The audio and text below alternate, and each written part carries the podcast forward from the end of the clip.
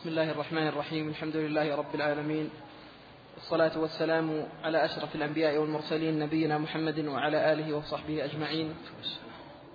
قال المؤلف رحمه الله تعالى باب ما جاء في ذمة الله وذمة نبيه وقوله تعالى وأوفوا بعهد الله إذا عاهدتم ولا تنقضوا الأيمان بعد توكيدها وقد جعلتم الله عليكم كفيلا. ذكر رحمه الله تعالى هذا الباب العظيم متعلقا بذمة الله تعالى وذمة نبيه صلى الله عليه وسلم. افتتحه بقوله تعالى وأوفوا بعهد الله إذا عاهدتم ولا تنقضوا الأيمان. ولا تنقضوا الأيمان بعد توكيدها. ما علاقة نقض الأيمان بالعهد والذمة؟ ثم إن الله تعالى شرع لعباده إذا حلف الواحد منهم على أمر ورأى غيره خيرا منه أن يكفر. فلماذا قال الله تعالى هنا ولا تنقضوا الأيمان؟ السبب ما ذكره ابن كثير رحمه الله تعالى الأيمان هنا ما المقصود بها؟ الأيمان الداخلة في العهود وليست الأيمان الواردة على حث الإنسان على أمر أو منعه من أمر سواء لنفسه أو لغيره فهذا ينبغي أن يتفطن فيه. فليس بين هذه الآية وبين قوله تعالى ذلك كفارة أيمانكم إذا حلفتم تناقض لأن الأيمان التي أوجب الله التي نهى الله عن نقضها هي العهود فهذه لا يجوز أن تنقض.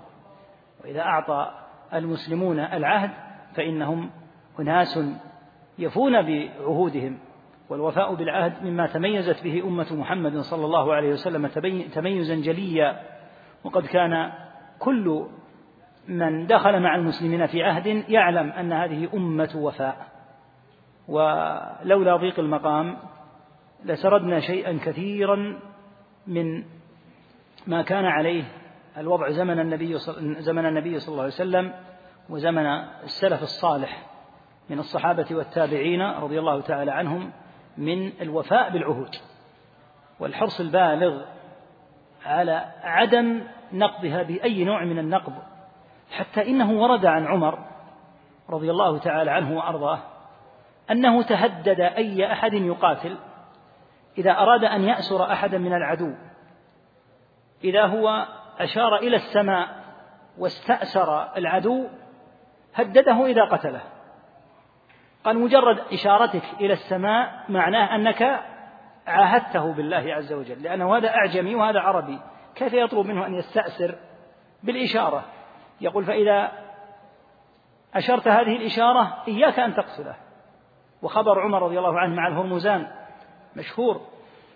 لما جيء بالهرمزان وكان من مشاهير ومن أشرس الفرس ومن الذين قتلوا في المسلمين مقاتل ثم إن الله أمكن منه. فقال عمر رضي الله عنه بعد أن جيء به وبعدد من كبار الفرس كيف رأيت الله صنع بكم أو كيف رأيت الذي صنع الله بكم؟ فلم يجبه.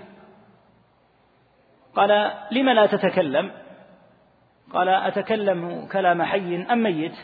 قال أولست حيا؟ ثم قال رضي الله عنه عمر لا نجمع عليك القتل والعطش بعد أن طلب ماء. فلما جيء له بالماء صار يرعد. قال اشرب لا بأس عليك. فلما قال لا بأس عليك رمى الهرمزان الماء. فقال كنتم يا معاشر العرب أحقر الناس وأخسها عندنا. وكنا نتعبدكم ونتملككم. فلما كان الله معكم لم يكن بالله طاقة. يقول كنتم أردأ الناس نعرفكم. لكن لما جاء الله لكم بدين وبعث فيكم رسولا وكان الله معكم لم يكن لنا بالله طاقة. فأمر عمر بقتله. قال أولست قد أمنتني؟ قال كيف ذلك؟ قال قل تشرب لا بأس عليك. فقال أنس الزبير صدق. أمنته. قال قاتله الله أخذ مني أمانة وأنا لا أشعر. لا بأس عليك. مع أنه لم يرد تأمينه لكن زل به اللسان فتركه رضي الله عنه. فالأمة أمة وفاء. والوضع الحاصل من نقض العهد هذا لا يكاد يعرف في الأمة في تاريخها. نقض العهود لا يكاد يعرف ولهذا ما وقع من قتل المعاهدين أمر مريع مخيف لأن عاقبته شديدة جدا على أهل الإسلام وفيها من الصد عن سبيل الله ما لا يكاد يوصف. فإن أي أحد يغدر به بعد عهد يزدري ويحتقر هذه الأمة التي تعاهد وتغدر ولهذا كثير من الناس ما استوعب وما تصور خطورة قتل المعاهدين. ما تصورها. النبي عليه الصلاة والسلام لما قال من قتل معاهدا لم يجد رائحة الجنة. هذا يدل على فظاعة أمر المعاهد. وهو كافر لاحظ تسبب قتله في أن يحجب موحد عن دخول الجنة لأن الموحد لا يجعل الأمور فوضى وإذا كان كافرا فالشرع جعل طريقا للتعامل مع الكفار لا يكون بتصرف الناس وبحسب ما يعن في خواطرهم. فنقض العهود خطر للغاية. ولهذا لاحظ أن اليهود أمة عرفت بنقض العهود فصار هذا مسبة لهم على مدار التاريخ. فمن أخطر ما يكون أن ينقض العهد. ولهذا قال تعالى ولا تنقضوا الأيمان أي العهود. أما الأيمان المعتادة كأن تقول والله لتدخلن في منزلي الليلة فيقول والله أنا لا أستطيع أنا سأسافر الآن. لزمتك الآن؟ حنثت. الآن لزمتك الكفارة. قال كفر عن يمينك. كما قال الله تعالى ذلك كفارة أيمانكم. فلا تجعل هذا مضادا لقوله تعالى ولا تنقضوا الأيمان. الأيمان هنا العهود. لا يجوز نقضها بتاتا إلا إذا نقضها العدو. إذا نقضها العدو أمر آخر انتقضت من طرفه. فالحاصل أن الأمر كبير وأن الحديث هذا فيه الآتي إن شاء الله. ذمة الله الذمة هذا العهد نعطيهم عهد الله ونعطيهم عهد الرسول صلى الله عليه وسلم. فهو أمر متعلق بالإسلام غير متعلق ببلد. لا يتصور أحد أن هذا متعلق ببلد بمصر بالسعودية بالعراق بكذا. لا. الأمر متعلق بذمة الله تعالى. فالأمر كبير جدا. ليس بالأمر الهين. عهد يعطاه هذا الكافر من قبل المسلمين ينسبون هذا العهد إلى الله. فالأمر كبير. ليس باليسير ولهذا سترى في الحديث كيف التحوط. شديد جدا حتى لا يقال إن ذمة الله تعالى قد هتكت. نعم. وعن بريدة قال كان رسول الله صلى الله عليه وسلم إذا أمر أميرا على جيش أو سرية أوصاه بتقوى الله ومن معه من المسلمين خيرا فقال اغزوا بسم الله. أوصاه أوصاه بتقوى الله ومن معه من المسلمين خيرا. ما عندك في خاصته؟ عندي ما في. طيب اقرأ. فقال اغزوا بسم الله في سبيل الله قاتلوا من كفر بالله. اغزوا ولا تغلوا ولا تغدروا ولا تمثلوا ولا تقتلوا وليدا. وإذا لقيت عدوك من المشركين فادعوهم إلى ثلاث خصال أو خلال. فأيتهن ما أجابوك فاقبل منهم فأيتهن. فأيتهن ما أجابوك فاقبل منهم وكف عنهم ثم ادعوهم إلى الإسلام. فإن أجابوك فاقبل منهم ثم ادعوهم إلى التحول من دارهم إلى دار المهاجرين. وأخبرهم أنهم إن فعلوا ذلك فلهم ما للمهاجرين وعليهم ما على المهاجرين. فإن أبوا أن يتحولوا منها فأخبرهم أنهم يكونون كأعراب المسلمين. يجري عليهم حكم الله تعالى ولا يكون لهم في الغنيمة والفيء شيء إلا أن يجاهدوا مع المسلمين. فإنهم, فإنهم أبوا فاسألهم الجزية. فإنهم أجابوك فاقبل منهم وكف عنهم. فإنهم أبوا فاستعن بالله وقاتلهم. وإذا حاصرت أهل حصن فأرادوك أن تجعل لهم ذمة الله وذمة نبيه. فلا تجعل لهم ذمة الله وذمة نبيه. ولكن اجعل لهم ذمتك وذمة أصحابك. فإنكم إن تغفروا ذممكم وذمة أصحابكم أهون من أن تغفروا ذمة الله وذمة نبيه.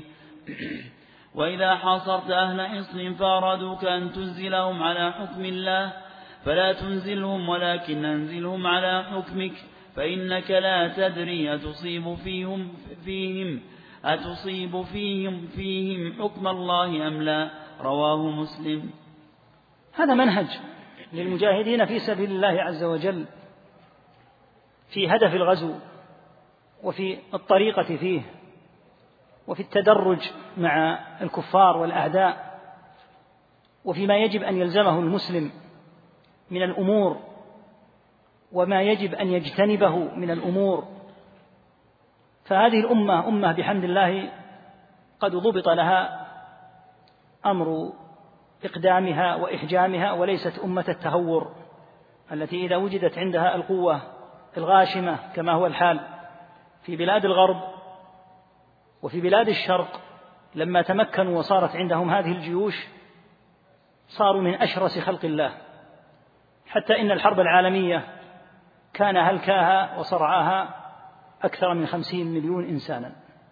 هذا يدلك على أن هذه الأمم التي لا يزمها دين الله عز وجل لما وجدت عندها القوة الغاشمة مع عدم العقيدة وعدم الدين صارت أشرس على البشرية من كل شرس.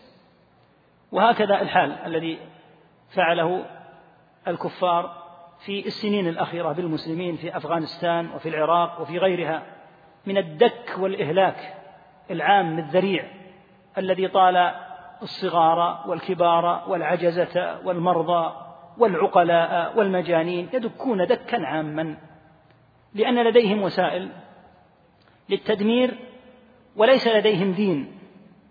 وليس لديهم مبادئ سليمة.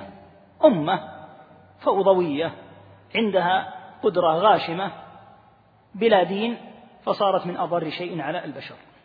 ولهذا ترى الهلك بالألوف ثم يصيرون في فترات محدودة بالملايين ثم المرضى والجرحى يكونون أعدادا لا توصف بسبب أن هذه قوة غاشمة في يد من لا دين عندهم. ولا إيمان لهم بالله. أما أهل, أما أهل الإسلام فلا. الأمور ليست بالطيش وبالقوة المحضة. ولهذا كان صلى الله عليه وسلم إذا أمر أميرا على جيش أو سرية إما يكون جيشا كبيرا أو سرية قطعة من الجيش. أوصاه في خاصته هو بأن يتقي الله لأنه تولى أمر هؤلاء. ومن معه من المسلمين خيرا. أيضا أوصاه بمن معه من أهل الإسلام من هؤلاء الذين هم تحت إمرته أن يتقي الله تعالى فيهم ثم قال اغزوا ثم بين المراد بالغزو اغزوا باسم الله. يعني مستعينين بالله مخلصين لله لا لأي هدف ولا لغرض آخر. إنما غزوكم في سبيل الله عز وجل مرادا به الله مستعينين به وحده لا شريك له. اغزوا باسم الله في سبيل الله. ليس هناك أي سبيل يمكن أن يحمد إلا إذا كان في سبيل الله. قاتلوا من كفر بالله. لاحظ أنه ذكر الكفر هنا حتى يبين لهم السبب في قتالهم. ليس السبب في قتالهم ألوانهم ولا ألسنتهم ولا بلدانهم ولا قبائلهم السبب كفرهم. وعلى هذا إذا زال الكفر زال موجب القتال. قاتلوهم وضح الهدف أنكم تقاتلون في سبيل الله. لمن نقاتلهم لأنهم كفار بالله تعالى. والله تعالى يقول وقاتلوهم حتى لا تكون فتنة والمراد بالفتنة الشرك. اغزوا ولا تغلوا. الغلول هو الأخذ من الغنيمة قبل القسمة. الغنيمة التي يمكن الله عز وجل منها المسلمين مما يكون للكفار هذه يجب أن تقسم قسمة بين الغانمين جميعا. فمن أخذ قبل القسم فقد غل لأنه يأخذ شيئا معينا قد يكون نفيسا ثم إذا جاءت الغنيمة وزع عليه معهم. والله تعالى يقول ومن يغلل فقد غل ومن يغلل يأتي بما غل يوم القيامة. قال ولا تغدروا نهاهم عن الغدر بأن يعطوا العهد ثم إذا أمنهم العدو غدروا ونكثوا وأتوا على حين غرة. قال ولا تغدروا ولا تمثلوا. التمثيل هو أن الشخص بعد أن يقتل كان من عاداتهم السيئة أنهم يأتون إليه فيقطعون أذنه أو يقطعون أنفه ربما فقأوا عينه هذا كله لا خير فيه ولا فائدة فيه. هذا قد قتل لا حاجة إلى أن يؤتى شيء من جسده يترك. إنما ما دام حيا ويقاتل فإنه يقتل. أما إذا قتل فمن العبث أن يتلاعب بجثته. ولا تقتلوا وليدا وهو الصغير. ولا تقتلوا وليدا وإذا لقيت عدوك من المشركين فالأمور مرتبة منظمة فادعهم إلى ثلاث خصال أو خلاف. عندك ثلاثة أمور تدعوهم إليها. فأيتهن ما أجابوك فاقبل منهم وكف عنهم. لأن ليس المقصود أن يحصدوا ويبادوا وإنما المقصود الهدف الأكبر الأسمى والأعظم هو أن يسلموا. فأول ما يدعون إليه أن يدعوا إلى الإسلام. ثم إذا دعوا إلى الإسلام فثمة أحد احتمالين. إما أن يقبلوا ويسلموا فإذا قبلوا فاقبل أنت منهم ويلزم الكف عنهم كف عنهم لا تقاتلهم. لكن ادعهم بعد ذلك أن يتحولوا من موضعهم الذي يكونون فيه إلى دار الهجرة بالمدينة عند النبي صلى الله عليه وسلم. وأخبرهم أنهم إن فعلوا هذا بأن انتقلوا إلى مدينته صلى الله عليه وسلم فإن جميع ما للمهاجرين من الحقوق تكون لهم وجميع ما عليه من الواجبات تكون عليهم فيكونون من المهاجرين. حكمهم حكم المهاجرين. إن قبلوا فبها ونعمت إن أبوا أن يتحولوا وأسلموا وبقوا في, مكانهم فأخبرهم بأمر أن حكمهم حكم الأعراب البادية الذين يقيمون في البرية. فهؤلاء لا يعدون معدودون من المسلمين لكن لا يعدون ممن يهاجر ويأتي إلى النبي صلى الله عليه وسلم. فليس الباقي في باديته كالذي أتى إلى المدينة وصار يذود عن بلد الإسلام في المدينة وصار يجاهد مع النبي صلى الله عليه وسلم ويتعلم. فحكمه أنه يجري عليهم حكم الله يجب عليهم أن يلزموا أحكام الله تعالى لكن ليس لهم نصيب لا في الغنيمة ولا في الفيء لأنها تكون لمن هاجر. إلا في حالة واحدة أن يجاهدوا يأتي من بريته أو هؤلاء الذين أسلموا يأتون من موضعهم فيشتركون مع المسلمين في الغزو. إذا اشتركوا فإنهم لهم مال مال المقاتلين. فإن أبوا يعني الآن فإن أبوا الإسلام فاسألهم الجزية. اطلب منهم أن يلتزموا وهم في كفرهم دفع الجزية. ومن تقبل منه الجزية؟ محل خلاف بين أهل العلم.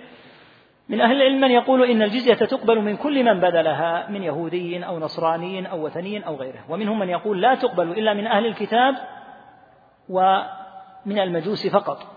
ومن سواهم ليس لهم إلا السيف. مثلا الملاحدة يقول ليس لهم إلا السيف إما أن يسلموا وإما أن يقتلوا. مشركو العرب عند أهل العلم لا بد أن يسلموا وإلا فإنهم يقاتلون كما هي ظواهر الآيات في سورة التوبة. يعني جعل لهم أجل فإن أسلموا وإلا فإنهم يقتلون. فإنهم أجابوك فاقبل منهم وكف عنهم. يعني أجابوك إلى الجزية. فإن أبوا الآن أبوا الإسلام وأبوا الجزية فاستعن بالله وقاتلهم. ليس هناك إلا خيار ثالث وهو قتالهم وإذا حاصرت أهل حصن لأنهم يكونوا متحصنين في موضع فيحاصرون ويمنع عنهم المؤونة ويمنعون من الخروج. يتعبهم الحصار فيريدون الصلح. هم محاربون. ماذا يقولون؟ يقولون اجعلوا لنا ذمة الله وذمة نبيكم صلى الله عليه وسلم حتى نأمن من أن إذا فتحنا حصننا لا تقتلوننا. يقول فلا تجعل لهم ذمة الله وذمة نبيه صلى الله عليه وسلم. لا تجعل لهم العهد من الله. ومن نبيه صلى الله عليه وسلم. ولكن اجعل لهم ذمتك أنت أنت أيها القائد وذمة أصحابك. لما؟ لأنك إذا جعلت لهم ذمتك وذمة أصحابك فحصل نقض فأنتم لم تعطوهم ذمة الله وإنما أعطيتموهم ذمتكم فصارت المفسدة أسهل مع أنه لا يجوز أن يخفروا. لكن إذا قيل هذه ذمة الله وذمة نبيه صلى الله عليه وسلم حصلت مفسدة. أنهم نزلوا على ذمة الله وذمة نبيه صلى الله عليه وسلم ثم قام مثلا بعض بعض الجيش بقتلهم. فيكون الأمر أشد وأسوأ مما لو أعطيتهم ذمتك أنت أيها القائد وذمة أصحابك. قال فإنكم إن تخفروا ذممكم يعني الخفر هو أن لا توفوا بل تغدروا ولا تتموا هذا العهد. ذممكم وذمة أصحابكم أهون من أن تخفروا ذمة الله وذمة نبيه صلى الله عليه وسلم. وإذا حاصرت أهل حصن أيضا فأرادوك أن تنزلهم على حكم الله. قالوا نحن الآن قد أتعبنا الحصار نحن نريد أن ننزل على حكم الله تعالى. يقول فلا تنزلهم يعني على حكم الله ولكن أنزلهم على حكمك أنت. لما؟ لأن لأنك لا تدري أتصيب فيهم حكم الله أم لا. قد تنزلهم على حكم الله فينزلون آمنين مطمئنين. فتتصرف معهم تصرفا لا يجوز شرعا. فكأنك تقول هذا حكم الله فيكم مع أنه محرم شرعا هذا الفعل. يقول فأنت لا تدري بحكم الله في كل واقعة قد تخفى عليك فلا تنزلهم على حكم الله. وهذا يدلك على المدى العظيم في أن يحال بين أحد وبين أن يشوه دين الله تعالى ولو كان جاهلا. فالذمة ذمة الله وذمة نبيه عظيم أمرها جدا. فلهذا إذا حوصروا ينزلون على ذمة القائد هذا. بحيث لو جاء شيء من ما لا ينبغي من التصرف معهم فإنهم قد نزلوا على ذمته لا على ذمة الله وذمة نبيه صلى الله عليه وسلم. وهكذا الحكم. ليس هذا حكم الله فيهم. ليس هذا حكم الله فيهم. هذا حكمك أنت. فإذا وقع خطأ فإنه منك أنت. لا تنسب هذا إلى دين الله. كل هذا التحوط العظيم حتى لا يساء إلى دين الله. قال الله تعالى وتذوقوا السوء بما صددتم عن سبيل الله. أن في هذا صدا عظيما عن سبيل الله. وهذا يدلك على مدى الجرم العظيم الذي يفعله من هتك هذه العهود. فهذه العهود يجب أن يوفي بها أهل الإسلام. ولا يحل أن تكون محل هتك لأحد. ولا يقول هؤلاء الجهلة إن الحاكم الذي أعطاهم الحكم تصرف تصرفا خاطئا حين أنزلهم على ذمة على أعطاهم الذمة لا يجوز. الآن هم أعطوا وإذا أعطوا الذمة فحتى لو فرضنا أنهم أعطوا الذمة بطريقة خاطئة لا يحل أن يتعرض لهم لأنهم أتوا آمنين. قد قال الله عز وجل في المستأمن ووضعه غير وضع الذمي قال وإن أحد من المشركين استجارك فأجره حتى يسمع كلام الله ثم أبلغه مأمنة. إذا قال أريد أن أتعرف على دين الله منكم. أمنوني. أنا من بلد محارب. أريد أن أسمع كلام الله وأعرف الحكم منكم أنتم يا معاشر المسلمين. فإنه يجب تمكينه ويصل إلى بلاد الإسلام ويقرأ عليه القرآن. فإن قبل فهو من المسلمين وإن أبى أبلغه مأمنة. مأمنه دار الحرب. أرجئه إلى دار الحرب ولا تتعرض له لأنك قد أنزلته وهو مستأمن. فكيف بالذمي؟ الذمي قد أعطي العهد. أهل الذمة هم المعاهدون. من أهل الكتاب ومن جرى مجراهم كالمجوس. فالأمر أمر عظيم ودين الله عز وجل ليس بمجرد الحماس وإلا فالبغض كلنا نبغض الكفار. وكلنا نتمنى كما قال عز وجل فقطع دابر القوم الذين ظلموا والحمد لله رب العالمين نتربص بهم أن يحل الله بهم نقمته. لكن لا يجوز أن نتعرض لهم أبدا. وكررنا مرات قصة عامر بن عبد القيس رحمه الله تعالى. العنبري الذي لما رأى الذمية قد جره أحد الجنود ليكسح دار السلطان وينظفها دار الوالي أمر الجندي بأن يطلقه. فأبى الجندي فأمره ثانية أن يطلقه فأبى الجندي فأخذ عمامته رحمه الله ورماها على الذم واستنقذه من الجندي. وقال والله لا تغفر ذمة الله. وذمة رسوله صلى الله عليه وسلم وأنا حي. يقول هذا أعطيناها الذمة. تريد أن تكون أورع من عامر؟ يقول الخطأ في التعدي عليه. ليس الخطأ بأنه ما ضرب ولا أهين. المسألة ليست لعبا. إذا أعطي ذمة الله فيجب التزامها. فعامر رحمه الله أنهى منكرا قام به الوالي وهو أنه أراد أن يدخل في يلزم هذا الذمي بما لا يلزمه شرعا. فهذا هو الأصل. نفي بذمة الله وذمة نبيه صلى الله عليه وسلم ديانة.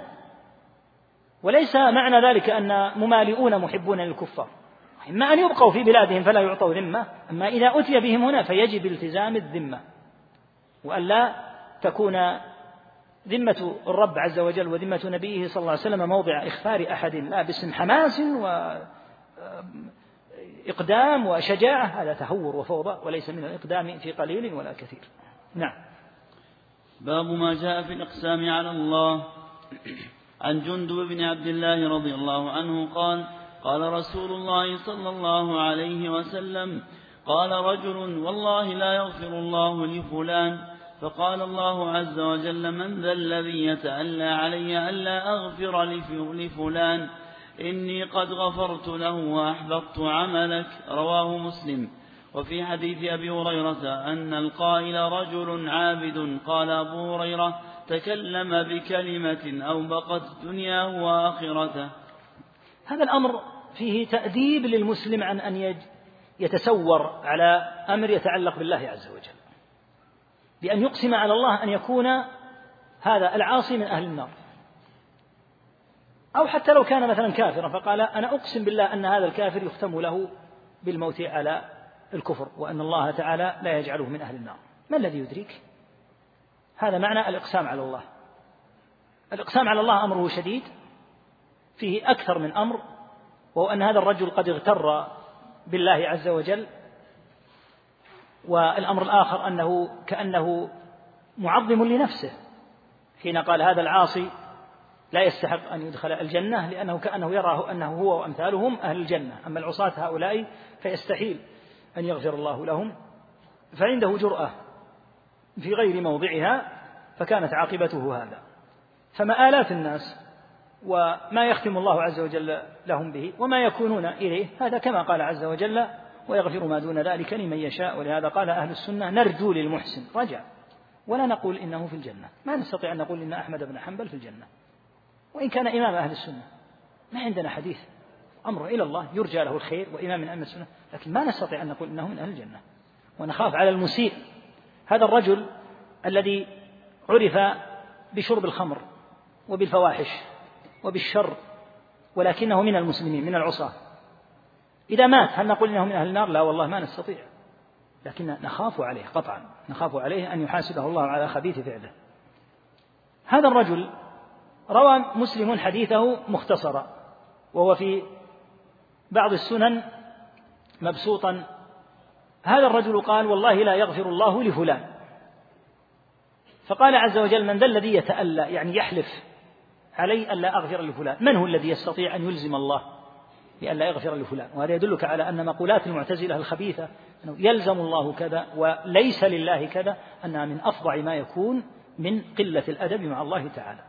الله عز وجل لما قال هذا الرجل والله لا يغفر الله لفلان قال من ذا الذي يتألى علي؟ يحلف حلفا ألا أغفر لفلان ما العاقبة؟ إني قد غفرت له. وحلف أن الله لا يغفر له. الله تعالى يغفر له لأن مغفرة الله واسعة. ومن جهل العبد إذا وقع أحد في الذنب أو وقع هو في ذنب أن ينظر إلى مغفرة الله كأنها ضيقة لا تشمل ذنوبه. وتقدم بيان هذا الأمر في حرمة اليأس والقنوط من رحمة الله تعالى. بل مغفرة الله تعالى واسعة.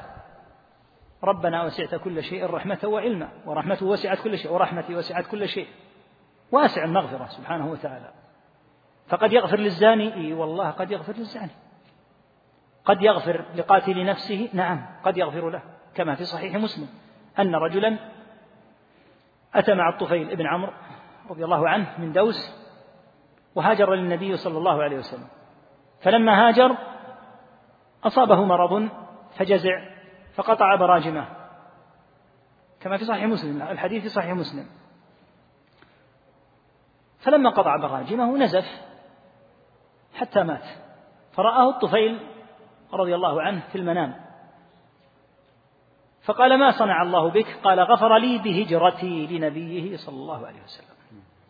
ما قيل الصحابة لهم من الحسنات الماحية ما ليس لغيره من هجرة قال ورأيت على يده قماشا أبيض قطع براجمه. فقلت ما هذا الذي على يديك؟ قال قيل لي لا نصلح ما أفسدت. والمغفرة غفر لك لكن هذا الذي أفسدت لا نصلحه. فأخبر به النبي صلى الله عليه وسلم فقال اللهم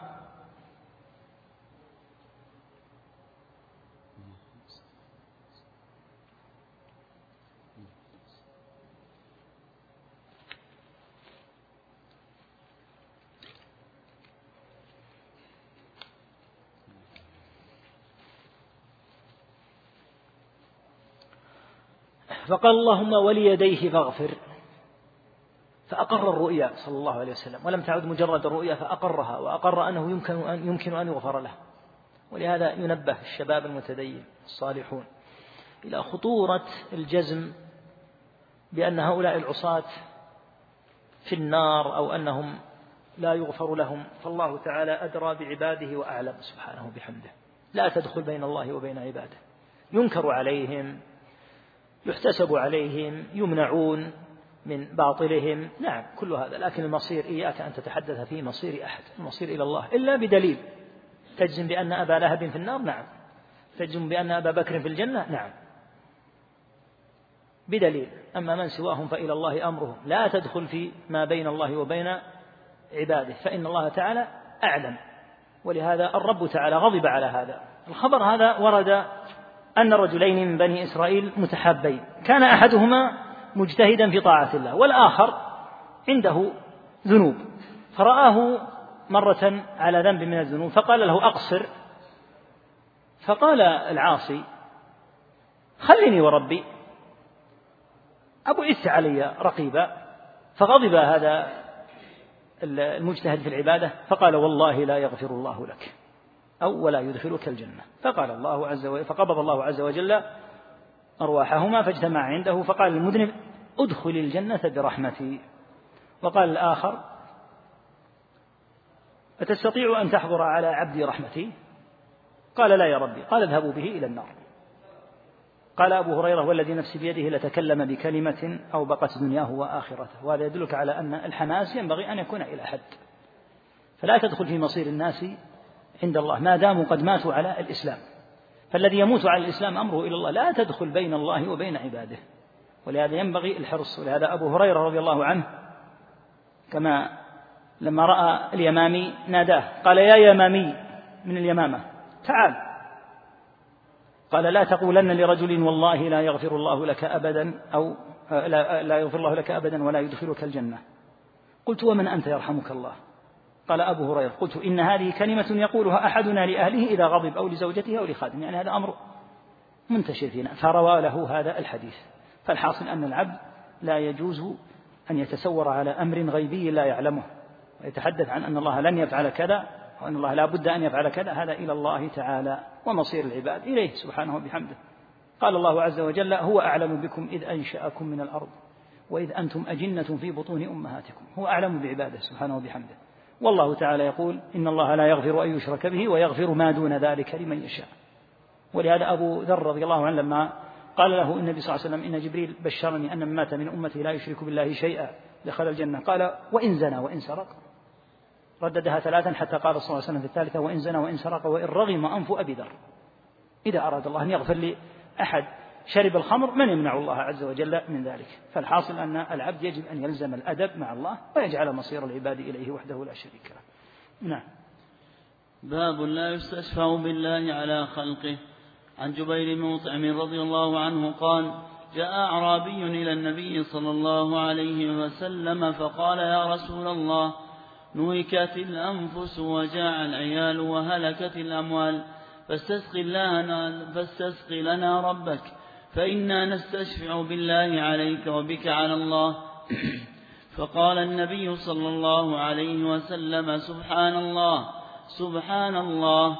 فما زال يسبح حتى عرف ذلك في وجوه أصحابه. ثم قال ويحك أتدري ما الله؟ إن شأن الله أعظم من ذلك. إنه لا يستشفع بالله على أحد. وذكر الحديث رواه أبو داود. الاستشفاع بالله على الخلق عكس الأمر. الله عز وجل إذا أراد الأمر إنما أمره إذا أراد شيئا أن يقول له كن فيكون. فكيف يطلب من الله تعالى أن يشفع عند أحد من عبيده بأن يكون كذا وكذا؟ الله إذا أراد الأمر تم سبحانه وتعالى. فكيف يستشفع بالله على خلقه؟ الشفاعة إنما تكون بطلب عبد من العبيد إلى الله سبحانه وتعالى أن يشفع في مذنب أو نحوه. أما أن يقال لله اشفع يا رب العالمين لنا عند أحد من الخلق فهذا أمر عظيم. ولهذا لما قال هذا الأعرابي هذه الكلمة استعظمها صلى الله عليه وسلم. هذا الأعرابي لما قل المطر ونهكت الأنفس من شدة ذلك وأصيب العيال بالجوع وهكذا الأموال كالإبل والمواشي هلكت وربما ما يسقى أو نحوه. فاستسق لنا ربك. إلى الآن والكلام في محله. اطلب من الله تعالى أن يسقينا. فإنا نستشفع بالله عليك. وبك على الله. الإشكال في قوله نستشفع بالله. نستشفع بالله عليك يا رسول الله أن تدعو. ونستشفع بك أنت على الله. النبي صلى الله عليه وسلم قال سبحان الله سبحان الله وهذه الكلمة تقال تعظيما وتنزيها لله عز وجل أن يقال فيه ما لا يليق. فما زال يسبح استمر يسبح صلى الله عليه وسلم حتى أن أصحاب إن أصحابه رضي الله عنهم تأثروا وتغيرت وجوههم لأنهم بمجرد أن يصاب صلى الله عليه وسلم بشيء يضجره يتأثرون جدا من شدة محبتهم رضي الله عنهم. ثم قال صلى الله عليه وسلم ويحك أتدري ما الله؟ يعني حين قلت هذه الكلمة أنت هل تدري ربك سبحانه وتعالى أتدري ما الله عز وجل يعني في عظمته؟ إن شأن الله أعظم من ذلك إنه لا يستشفع بالله على أحد. الاستشفاع لا يكون بالله إنه يستشفع بالله عز وجل على أحد لأن الله تعالى هو الرب المالك المتصرف المدبر إذا أراد أمرا أتمه سبحانه. فلا يطلب من الله تعالى أن يشفع عند أحد وإنما يطلب من العبد أن يشفع عند الله تعالى بالشرط المعروف الذي ذكرناه في الشفاعة. وما يتعلق بشفاعة النبي صلى الله عليه وسلم هذه كلها بلا شك حال حياته كما تقدم شرح ذلك وبسطه وبيانه. فإنه يطلب منه في حال حياته أن يشفع أي أن يدعو. فكانوا يأتونه عليه الصلاة والسلام ويطلبون منه عليه الصلاة والسلام الأمر أن يسأل الله لهم كذا وكذا فيدعو الله عز وجل لهم. وكذلك يشفع في الآخرة صلوات الله وسلامه عليه حين يتراجع عن الشفاعة العظمى أنبياء الله عليهم الصلاة والسلام فيقول صلى الله عليه وسلم أنا لها ثم يشفع إلى ربه وهكذا أنواع الشفاعة التي تقدمت. لكن أن يقال يا ربي اشفع لي عند أحد من الخلق ما هنالك أحد يمكن أن ترتفع منزلته إلى الحد الذي يشفع الله عنده لأن المعلوم أن الشافع الشافع في درجة أقل إذ المشفوع له مطلوب منه. المشفوع إليه المشفوع إليه مطلوب يعني مطلوب منه. والمشفوع له عنده شيء من النقص أو التقصير والشافع بينهما.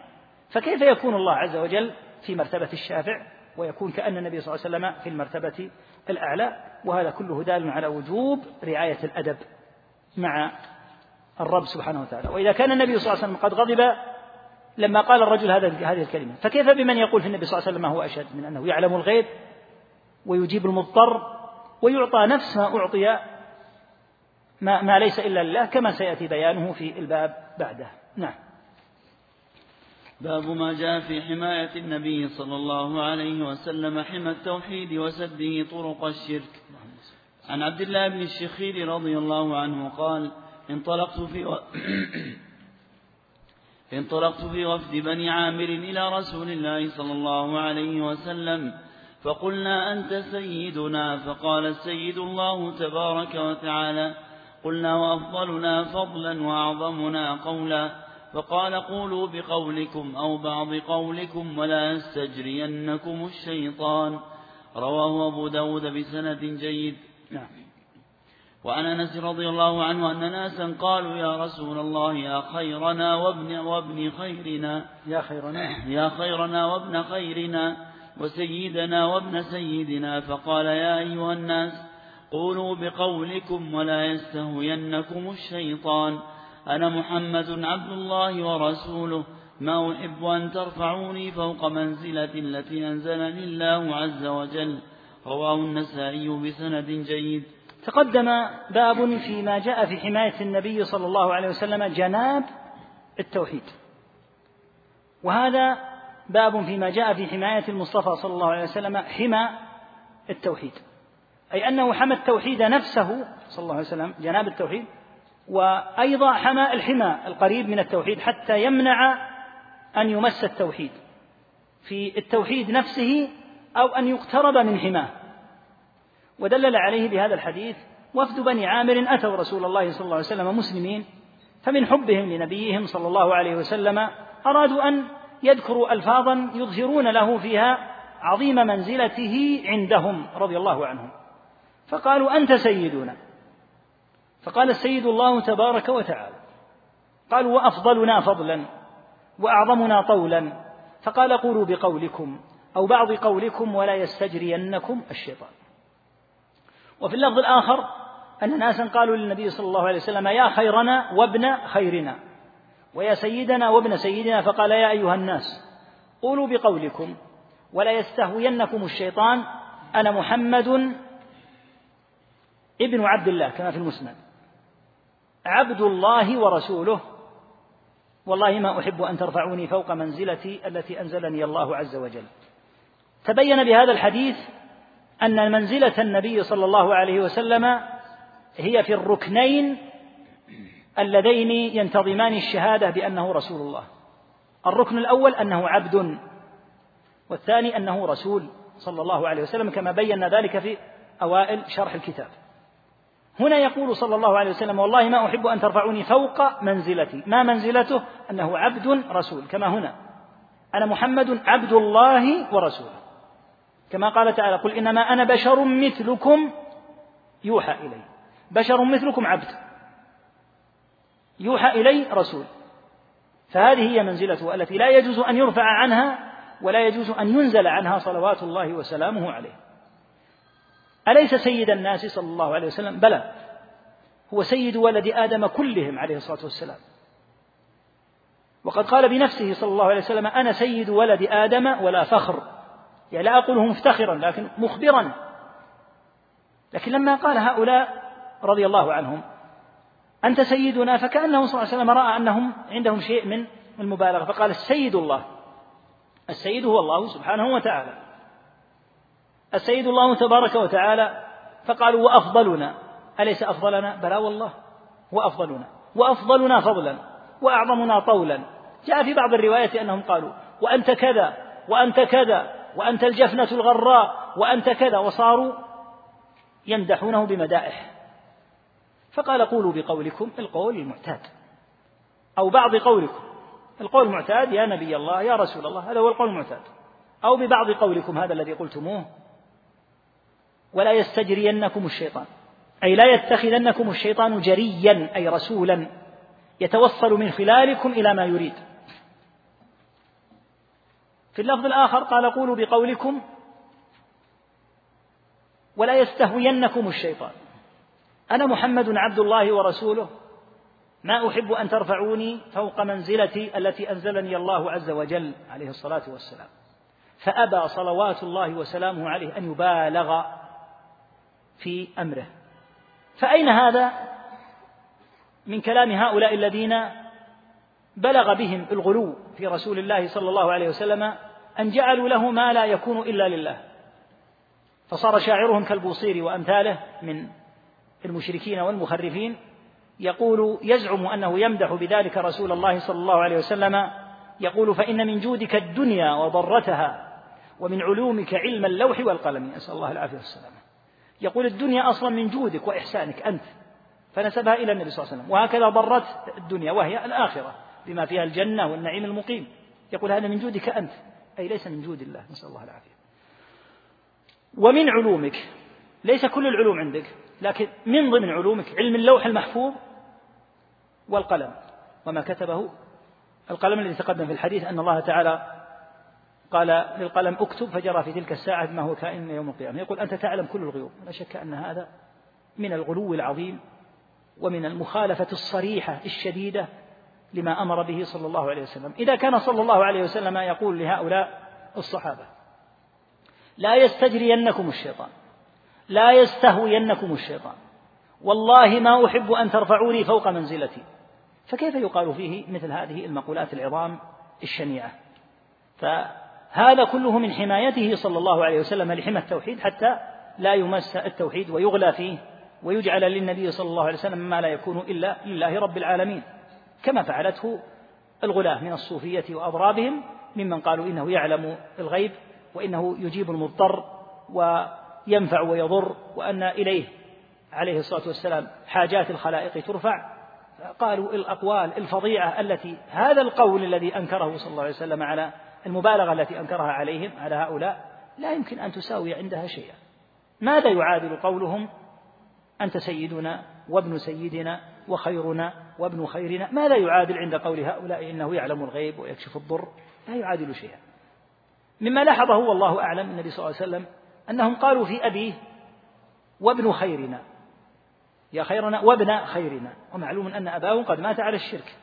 فكأنه صلى الله عليه وسلم لاحظ فيهم مثل هذه المبالغة فلذلك منعهم عليه الصلاة والسلام من هذه المبالغة وإلا فمعلوم أنه صلى الله عليه وسلم سيد ولد آدم لكن يجب أن تكون هذه المدائح وهذه الأمور عند حد تقف. لا يبالغ المبالغة المنكرة التي عليها أهل الغلو والضلال. نعم. باب ما جاء في قول الله تعالى وما قدر الله حق قدره والأرض جميعا قبضته يوم القيامة والسماوات مطويات بيمينه سبحانه وتعالى عما يشركون. قدر الرب عز وجل لا يمكن أن يقدره أحد أبدا.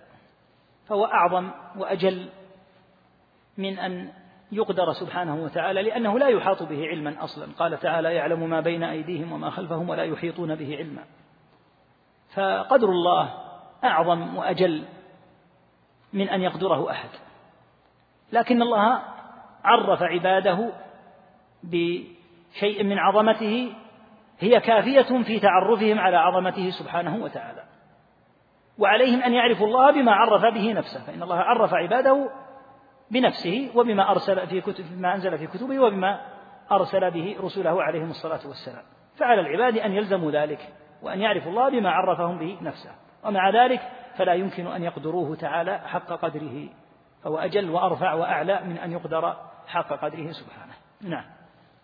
عن ابن مسعود رضي الله عنه قال جاء حبر من الأحبار إلى رسول الله صلى الله عليه وسلم فقال يا محمد إنا نجد أن الله تعالى يجعل السماوات على إصبع والأرضين على إصبع والشجر على إصبع والماء على إصبع والثرى على إصبع وسائر الخلق على إصبع فيقول أنا الملك فضحك النبي صلى الله عليه وسلم حتى بدت نواجذه تصديقا لقول الحبر ثم قرأ وما قدر الله حق قدره والأرض جميعا قبضته يوم القيامة. وفي رواية لمسلم والجبال والشجر على إصبع ثم يهزهن فيقول أنا الملك أنا الله. وفي رواية للبخاري يجعل السماوات على إصبع والماء والثرى على إصبع وسائر الخلق على إصبع أخرجا هذا الحديث فيه بيان للآية. يقول الله تعالى وما قدر الله حق قدره والأرض جميعا قبضته يوم القيامة والسماوات مطويات بيمينه. لذا جاء في الحديث أن الأرض في كف الرحمن كالخردلة في كف أحدنا. فالأرض هذه على عظمة أمرها ليست شيئا وعظمة السماء وعظمة الأرض ليست شيئا أمام عظمة الجبار سبحانه وتعالى. في هذا الحديث في هذه الآية قوله تعالى والسماوات مطويات بيمينه.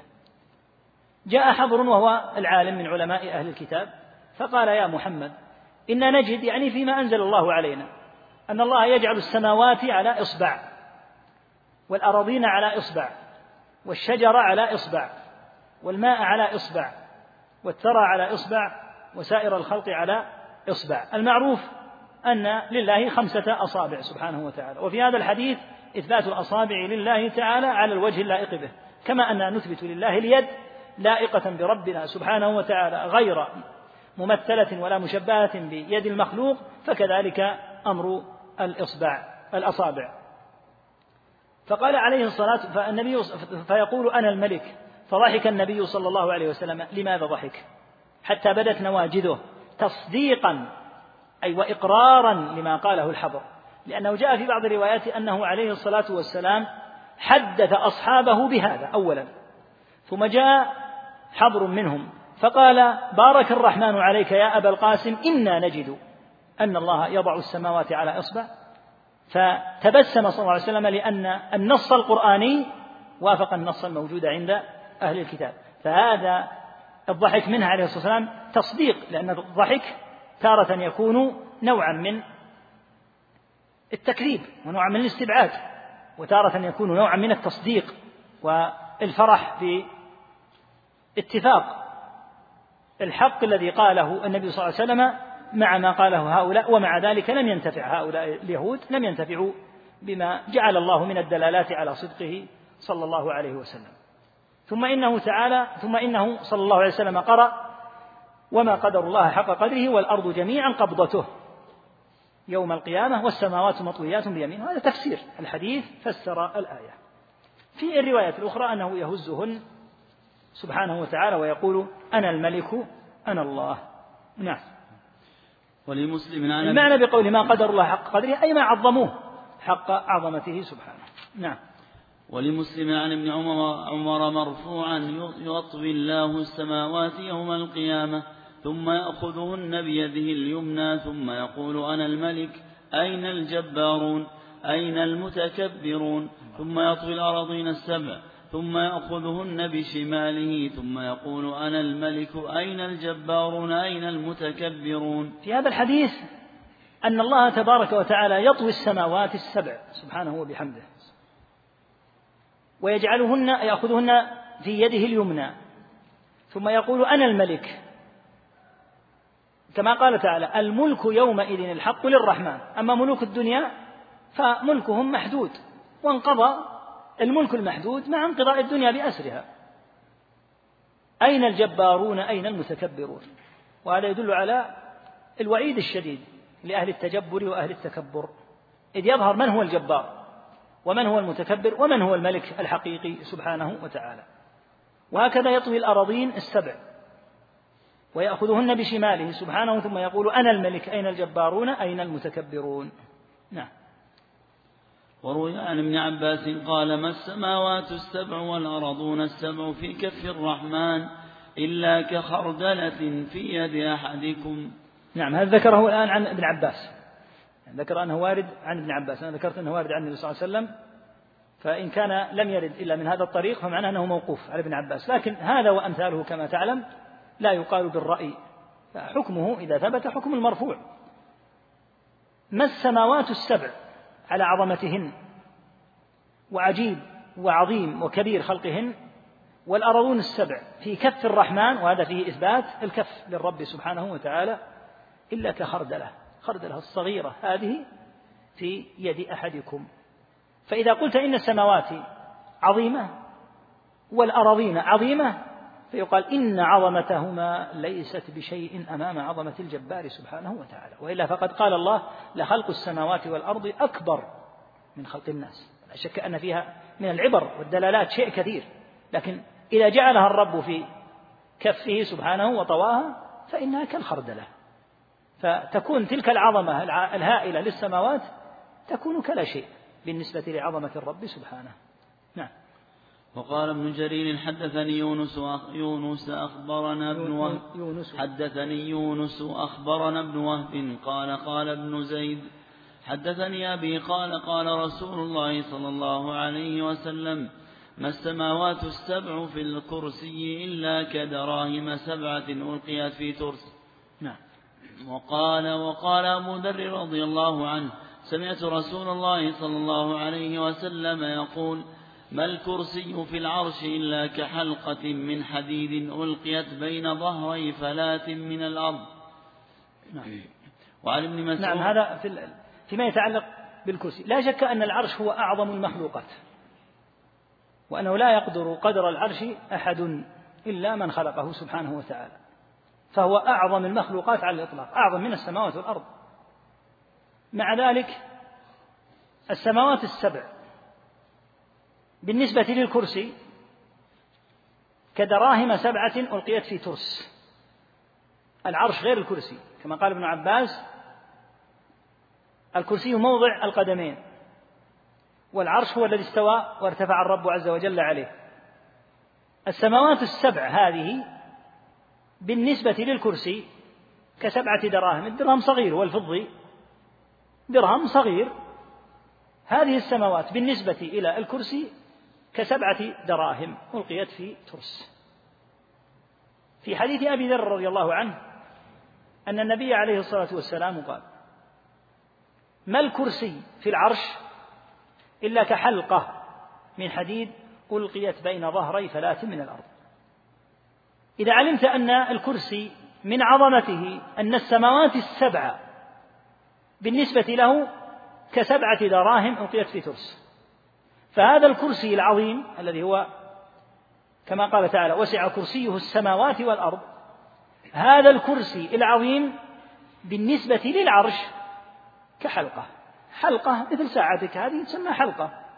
حلقة دائرية. ألقيت في ظهري فلا. ألقيت في برية. ماذا يكون نسبة ماذا تكون نسبة الحلقة الصغيرة هذه إلى برية بأكملها؟ ما تكون شيئا. وهذا يدل على أن العرش أعظم المخلوقات على الإطلاق. لأن السماوات والأرض والسماوات السبع والأرضين السبع من أكبر المخلوقات. الكرسي وهو لا نراه. السماوات بالنسبة له كدراهم سبعة ألقيت في ترس. إذا فالكرسي عظيم. هذا الكرسي العظيم الذي وسع السماوات والأرض بالنسبة للعرش كحلقة الحلقة شيء صغير ألقيت في فلاة وبرية عظيمة. وهذا يدل على عظمة أمر العرش وأنه أكبر المخلوقات على الإطلاق. فأكبر المخلوقات هو العرش. ولهذا وصفه الله بوصف العرش العظيم العرش المجيد في آيات ذكر الله تعالى فيها عظم شأن هذا المخلوق. نعم. وعن ابن مسعود قال بين السماء الدنيا والتي تليها خمسمائة عام وبين كل سماء خمسمائة عام وبين السماء السابعة والكرسي خمسمائة عام وبين الكرسي والماء خمسمائة عام والعرش فوق الماء والله فوق العرش لا يخفى عليه شيء من أعمالكم. أخرجه ابن مهدي عن حماد بن سلمة عن عاصم عن زر عن عبد الله ورواه بنحوه المسعودي عن عاصم عن أبي وائل عن عبد الله قال قاله الحافظ الذهبي رحمه الله تعالى قال وله طرق. نعم. وعن العباس بن عبد المطلب رضي الله عنه قال قال رسول الله صلى الله عليه وسلم هل تدرون كم بين السماء والأرض؟ قلنا الله ورسوله أعلم. قال بينهما مسيرة خمسمائة عام. ومن كل سماء إلى سماء مسيرة خمسمائة عام وكثف كل سماء مسيرة خمسمائة عام. وكثف كل سماء مسيرة خمسمائة عام. وبين السماء السابعة والعرش بحر بين أسفله وأعلاه كما بين السماء والأرض. والله تعالى فوق ذلك وليس يخفى عليه شيء من أعمال من أعمال بني آدم. أخرجه أبو داود وغيره. حديث ابن مسعود رضي الله عنه في بيان ما بين السماء الدنيا والتي تليها. أن بين السماء الدنيا هذه التي نراها هي الدنيا التي نراها هي السماء الدنيا. ولقد زينا السماء الدنيا هذه الدانية إلينا القريبة منا هي السماء الدنيا. فوقها سماء ثانية ثم ثالثة ثم رابعة ثم خامسة ثم سادسة ثم سابعة والعرش فوق السماء السابعة. وبين العرش كما سيأتي وبين آه، السماء ما ذكر ما ذكر ما ذكر في الحديث ويأتي ذكره إن شاء الله تعالى. بين السماء الدنيا والتي تليها خمسمائة عام. وبين كل سماء يعني والسماء الأخرى خمسمائة عام. وبين السماء السابعة وهي آخر السماوات والكرسي خمسمائة عام. وبين الكرسي والماء لأن الرب سبحانه وتعالى يقول وكان عرشه على الماء. فالماء تحت العرش. فبين الكرسي وبين هذا الماء خمسمائة عام والعرش فوق الماء كما قال تعالى وكان عرشه على الماء. والله تعالى فوق العرش ثم قال لا يخفى عليه شيء من أعمالكم. لا يذهب ذهن أحد إلى أن الرب تعالى ما دام في هذه العظمة من العلو أنه ما دام بهذه العظمة أنه قد يخفى عليه شيء. لا يخفى عليه حتى هواجس وما يخطر في ذهن العبد. ولقد خلقنا الإنسان ونعلم ما توسوس به نفسه. فلا يخفى عليه ولا يعزب عنه سبحانه وتعالى مثقال ذرة في السماوات ولا في الأرض ولا أصغر من ذلك ولا أكبر إلا في كتاب مبين. بعد ذلك ذكر حديث العباس ابن عبد المطلب رضي الله عنه أن النبي صلى الله عليه وسلم قال هل تدرون كم بين السماء والأرض؟ فأجابوا بالجواب الذي ينبغي لمن لا يعلم أن يحيل العلم إلى الله تعالى. قلنا الله ورسوله أعلم. تقدم أن هذا يقال في حياته عليه الصلاة والسلام. وبعد مماته إذا جاءت مسألة لأن يقال هل يمكن يقع كذا أو كذا؟ لا يجوز إلا أن يقال الله أعلم. يعني أمور القدر والغيبيات لا يعلمها إلا الله وحده لا شريك له. قال بينهما مسيرة خمسمائة سنة وهذا الحديث فيه فائدة لأن حديث عبد الله بن مسعود فيه بيان ما بين كل سماء والسماء التي تليها. هذا الحديث فيه بيان ما بين الأرض والسماء. أن بين الأرض والسماء مسيرة أن بين الأرض والسماء مسيرة خمسمائة سنة. ومن كل سماء إلى سماء مسيرة خمسمائة سنة كما في الحديث. وكثف كل سماء خمسمائة سنة ومن كل سماء إلى سماء وبين السماء السابعة وهي الأخيرة والعرش بحر. هو الوارد في حديث ابن مسعود السابق الماء الذي قال تعالى وكان عرشه على الماء بين أسفله وأعلاه أي هذا البحر كما بين السماء والأرض أي خمسمائة سنة. والله تعالى فوق ذلك. ثم قال أيضا وليس يخفى عليه شيء من أعمال بني آدم وبه تعرف ترتيب المخلوقات. أن المخلوقات أعلاها العرش ثم الماء الذي قال الله وكان عرشه على الماء ثم الكرسي ثم السماء السابعة فالسادسة فالخامسة فالرابعة فالثالثة فالثانية فالأولى فالأراضين. وهذا يدلك على بطلان ما يقوله زنادقة الغربيين من أن الذي نراه هو فضاء ليس فوقه شيء. هذا يتناسب مع زندقتهم وإلحادهم. أما المؤمنون فيعلمون أنه كما أن ثمة أرض وتحتها هذه الطبقات فإن السماء التي نراها فوقها أيضا كما هو عدد الأراضين هو عدد السماوات. الله الذي خلق سبع سماوات ومن الأرض مثلهن. فالأرض فالأراضون سبع كما تقدم في الحديث. والسماوات أيضا سبع. والله سبحانه وتعالى قد جعل في هذا الملكوت ما لا يحيط به إلا هو عز اسمه. ولم يطلع الإنسان إلا على شيء يسير مما هو في ملكوت الله عز وجل مما يحيط به مما يشاهده ويحسه في هذه الأرض أو مما يراه في السماء. أما ما سوى ذلك فلا يحيط به إلا علام الغيوب. هذا يدل على ترتيب المخلوقات كما تقدم وهو أنها بهذا العدد وبه تعرف أيضا المسافات التي بين هذه المخلوقات. إذا جمعت كل سماء كم بينها وبين السماء التي تليها مضروبا في خمسمائة سنة وما بين السماء السابعة إلى الكرسي خمسمائة سنة وما بين الكرسي إلى الماء مسيرة خمسمائة سنة وما بين الماء إلى أسفله إلى أعلى خمسمائة سنة. تعرف بذلك أن الرب سبحانه وتعالى في أعلى العلو سبحانه. وهذا الحديث من أظهر الأدلة على العلو. ثم إن فيه عظمة إحاطته سبحانه وتعالى مع أنه في العلو فإنه سبحانه مع أنه محيط مع أنه في هذا العلو العظيم الهائل إلا أنه لا يعزب عنه أي شيء سبحانه. ولهذا قال لما ذكر أن الله تعالى فوق ذلك وليس يخفى عليه شيء من أعمال بني آدم. قد يذهب ذهن الجاهل يقول ما دام الله بهذا العلو الشديد كيف يسمعني لو قلت وأنا بيني وبين ربي سبحانه وتعالى هذه المسافات الهائلة كيف يسمعني لو قلت كذا؟ وقد جاء في سبب قوله تبارك وتعالى وما كنتم تستترون أن يشهد عليكم سمعكم ولا أبصاركم. سبب نزول هذه الآية أنه اجتمع قرشيان وختنهما ثقفي أو ثقفيان وختنهما قرشي كثير شحم بطونهم قليل فقه قلوبهم فقال أحدهم أترون أن الله يسمعنا فقال الآخر إن رفعنا أصواتنا سمعنا وإن أسررنا لم يسمعنا.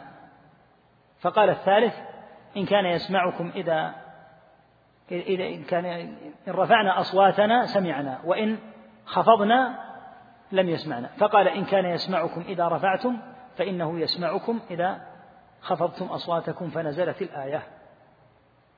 وما كنتم تستترون أن يشهد عليكم سمعكم ولا أبصاركم ولكن ظننتم أن الله لا يعلم كثيرا مما تعملون وذلكم ظنكم الذي ظننتم بربكم أرداكم فأصبحتم من الخاسرين. وبهذا ولله الحمد فرغ من هذا الكتاب العظيم والوصية لطلبة العلم بالعناية التامة بهذا الكتاب. هذا الكتاب من أنفس الكتب ومن أعظمها كما رأيت في التعريف بالله عز وجل.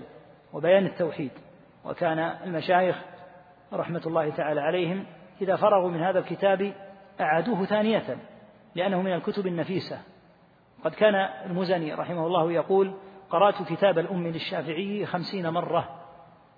في كل مرة أجد من الفوائد ما لم أجده في المرة قبلها. فحتى لو حفظه طالب العلم فإن هذا الكتاب من أنفس ومن أجمل ما كتبه الشيخ محمد رحمه الله تعالى. هذا الكتاب صنفه هذا التصنيف البديع بأن جعله على هذه الأبواب مقسما إلى ما ذكرناه. القسم الأول تبويب كقوله باب ما جاء في قول الله تعالى وما قدر الله حق قدره. القسم الثاني النصوص والآثار أو النقول التي ينقلها عن أهل العلم. القسم الثالث المسائل يقول فيه مسائل يعطيك فيها فقه الباب فهو كتاب عظيم والواجب على طلبة العلم أن يحرصوا الحرص البالغ على العناية بالعقيدة وتقريرها من خلال النصوص وما عليه سلف الأمة الصالح وأن يعلموا أن الهجمة على عقيدة أهل السنة هجمة شرسة من أصناف كثيرة من الروافض ومن الخوارج كالإباضية وهجمتهم الأخيرة على السنة وأهلها وكثرة المراسلات التي استغلوا من خلالها الوسائل الحديثة من وسائل الاتصال وهكذا يهاجم الإسلام من قبل المنصرين ويهاجم من قبل أهل التخريف والبدع والضلالات من غلاة الصوفية وأضرابهم وهكذا يوجه للإسلام هجمة شرسة من قبل ملاحدة الغرب ببث هذه الأفكار العفنة من الأفكار العلمانية والليبرالية وكلها مضرة غاية الضرر بالعقيدة. منها ما هو مخرج للعبد من الملة يعني عمومها وإلا فالوافد من الغرب من الأفكار الليبرالية والعلمانية هذه كلها مخرجة من الملة بلا شك. ما وردنا من الغرب والشرق إما ما وردنا مسائل إلحاد من الشيوعيين من الوجوديين من زنادقة العلمانيين والليبراليين الذي يعي ويفهم حقيقة تلك المذاهب يعلم أنها مذاهب إلحادية. وإن كان بعض من يدعون إليها يزعمون أنها متناسبة مع الإسلام وأن الإسلام يمكن أن يتفق معها في كذا وكذا وهم يعلمون قاتلهم الله أنهم بذلك يغشون المسلمين لأن هذه المذاهب لها أربابها ولها منظروها الذين أفصحوا عنها مذاهب إلحادية محضة لكنهم لا يستطيعون أن يفصحوا بحقيقتها في بلاد المسلمين فيحاولون أن يخففوا من أمرها. وهكذا أهل البدع والضلال. وعلى رأسهم الروافض فإنهم قد شنوا حملة شديدة لزعزعة أهل السنة عما هم عليه. وهكذا أهل التخريف من الغلاة من الصوفية وأضرابهم أو من الخوارج وغيرهم لأصنافهم سواء من الإباضية أو ممن ينشر الفكر الخارجي عموما. فينبغي العناية بالتوحيد غاية العناية وبعقيدة أهل السنة حتى يلقى المؤمن ربه بعقيدة صافية فإنه لا نجاة إلا باعتقاد صافي. يقول الأخ ما الحكم في تصوير الفيديو؟ كالخلاف الذي سمعت. كما سمعت في الخلاف أنه منهم من يلحقه بالممنوع ومنهم من يستثنيه ويقول شأنه يختلف عن عموم الأحاديث الواردة في هذا الباب. يقول يطلب العلم ويحضر عند المشايخ ويقرأ القرآن ويحافظ على الصلاة ثم لم يجد أثر ذلك في إيمانه ولا في عبادته. هو يا أخي في إيمان وفي عبادة. من قال لك أنه لا يجد؟ هو في عبادة وفي إيمان. إن كان قصدك أمر الخشوع أو نحوه فهذا قد يشتكى منه من قبل كثيرين. لكن هو الآن سلك الطريق الصحيح. إقباله على القرآن إقباله على ذكر الله إقباله على العلم. هذا هو المسلك الصحيح. وليس معنى إقبالك على العلم وعلى القرآن أنك سيكون لك قلب كقلب أبي بكر وعمر رضي الله عنهما في قوة إيمانهما وغيره. ليس هذا هو الذي ينتظره الإنسان. لكن المؤمن إذا سلك هذا المسلك فإن هذا مثل الغيث والمطر. إذا نزل فإن آثاره تأتي بالتدريج. ليس إذا نزل المطر اليوم امتلأت الأرض بالعشب في آخر يعني يأتيها المطر أول نهار ثم العشب في آخره ليس الأمر كذلك. مطر ثم مطر ثم تبدأ الأرض بالتدريج إلى أن تزهر. فكذلك العلم العلم لا يكون أثره مباشرا. يقول إذا حلف الإنسان قال والله ما فعلت وهو فعل. أو قال والله أفعل هذا الفعل ولم يفعل. فعلت هذا الفعل ولم يفعل. أيهما يجب الكفارة؟ ليس فيهما عياذا بالله أي كفارة. هذه اليمين الغموس. وهي كما قال أهل العلم أشد من أن تكفر. الذي يكفر هو إذا قال الإنسان والله لأفعلن كذا ثم لم يفعله كأن يقول والله لأسافرن غدا ثم لم يتيسر له السفر يقال كفر. أما إذا قال والله إني قد رأيت فلانا وهو لم يراه فهذه لا كفارة فيه وهي أفظع من أن تكون مما يكفر لأنها من اليمين الغموس عياذا بالله. فليس فيها إلا التوبة الحقيقية الصادقة مع الله عز وجل وهي أشد من أن يقال فيها كفارة لأنه كاذب. إنما تكون الكفارة على الأمر الذي حلفت عليه تريد أن تقوم به أو حلفت أن لا تفعله فلم تلتزم ذلك. فيقال لك كفر عن يمينك أما إذا كذبت في اليمين فهي أفظع من أن تكفر عياذا بالله. حديث ألا تدع صورة إلا طمستها.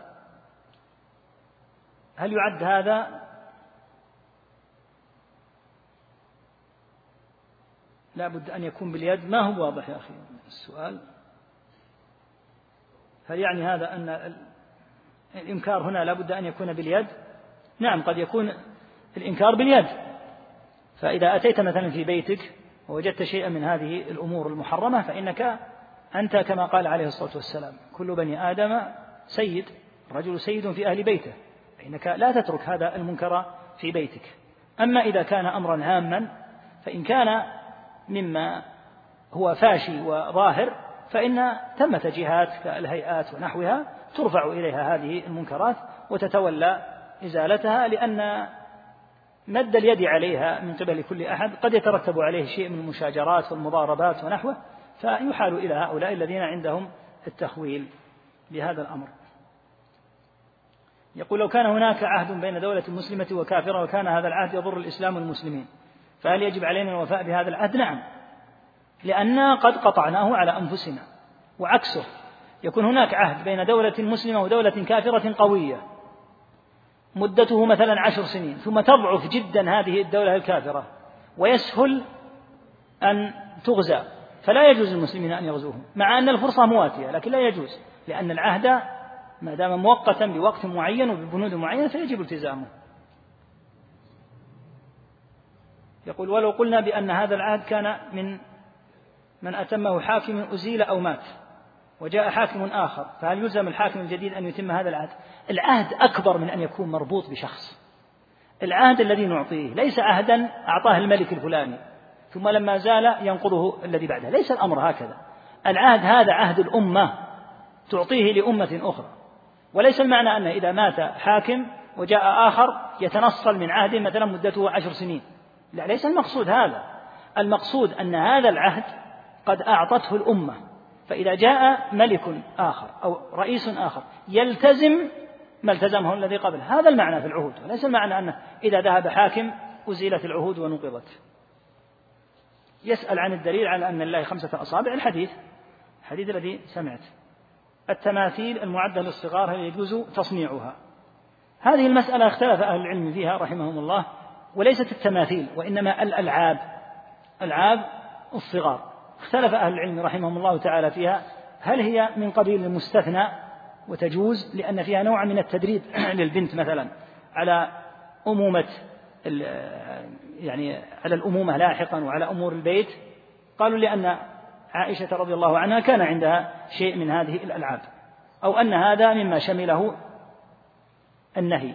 فالذي يطلب السلامة يذهب يبحث عن ألعاب ليس فيها مثل هذه الأمور ولو أخذ مثل هذه الألعاب. وإذا قلنا ألعاب فهي للصغار. وبعض الناس يأخذ ألعاب الأطفال فتجدها حتى مع الكبار. ليس هذا كلام أهل العلم. كلام أهل العلم في ألعاب الصغار إذا لعب بها الصغار. لا أن يلعب بها الكبار. إذا لعب بها الكبار هذه خرجت عن المسألة التي ذكرها أهل العلم وعن الدليل الوارد فيها. ما الحد الفاصل بين إعظام الرغبة عند دعاء الله وبين التعدي في الدعاء؟ إعظام الرغبة فيه إظهار الذل والإلحاح على الله والتعدي في الدعاء كأن يطلب من الله ما لا يجوز أن يطلب كأن يطلب من الله مقام نبينا صلى الله عليه وسلم أو نحوه لا يجوز هذا التعدي في الدعاء يستحيل أن تكون في مقام رسول الله صلى الله عليه وسلم. وهكذا قال أهل العلم لو أنه سأل الله ألا يقيم القيامة. ما يجوز هذا من الدعاء الذي فيه تعدي صاحبه آثم. فمثل هذا لا يمكن أن يقبل. فالتعدي في الدعاء أنواع. شفاعة النبي صلى الله عليه وسلم برفع درجات من أهل الجنة هل ذلك خاص بمن دعا لهم في حياته أو هو يكون في الآخرة؟ جاء في حديث أبي سلمة رضي الله عنه أن النبي صلى الله عليه وسلم قال وارفع درجته في المهديين فأخذ منه بعض أهل العلم أن هذا فيه دليل على الشفاعة برفع درجات بعض أهل الجنة في الجنة والظاهر من من كلامهم هو العموم ما حكم التحنيط من طير أو حيوان؟ الفتوى بمنعه. فتوى اللجنة لأنه لا يحل التحنيط إذا كان لطير أو حيوان وأن هذا مما لا يجوز. يسأل عن الدروس الدرس بحمد الله انتهى كما رأيتنا انتهينا بحمد الله عز وجل. والمسجد والله الحمد فيه دروس كثيرة. يعني هذه من يعني طريقة الإخوة أن يضعوا درسا يعني يركز في خلال الفصل بأن ينهى كتاب. فهذا مما والله الحمد تم هذا الفصل. من سأل بالله شيئا معينا لا يقدر عليه. كأن يحدد له مبلغا يعني عاليا. هل يوفيه لا لا يكلف الله نفسا إلا وسعها. إذا قال أسألك بالله أن تعطيني مبلغ كذا وكذا ضخم جدا. لا يستطيعه الإنسان. معلوم أن الله تعالى لا يكلف نفسا إلا وسعها والله أعلم وصلى الله وسلم على نبينا محمد.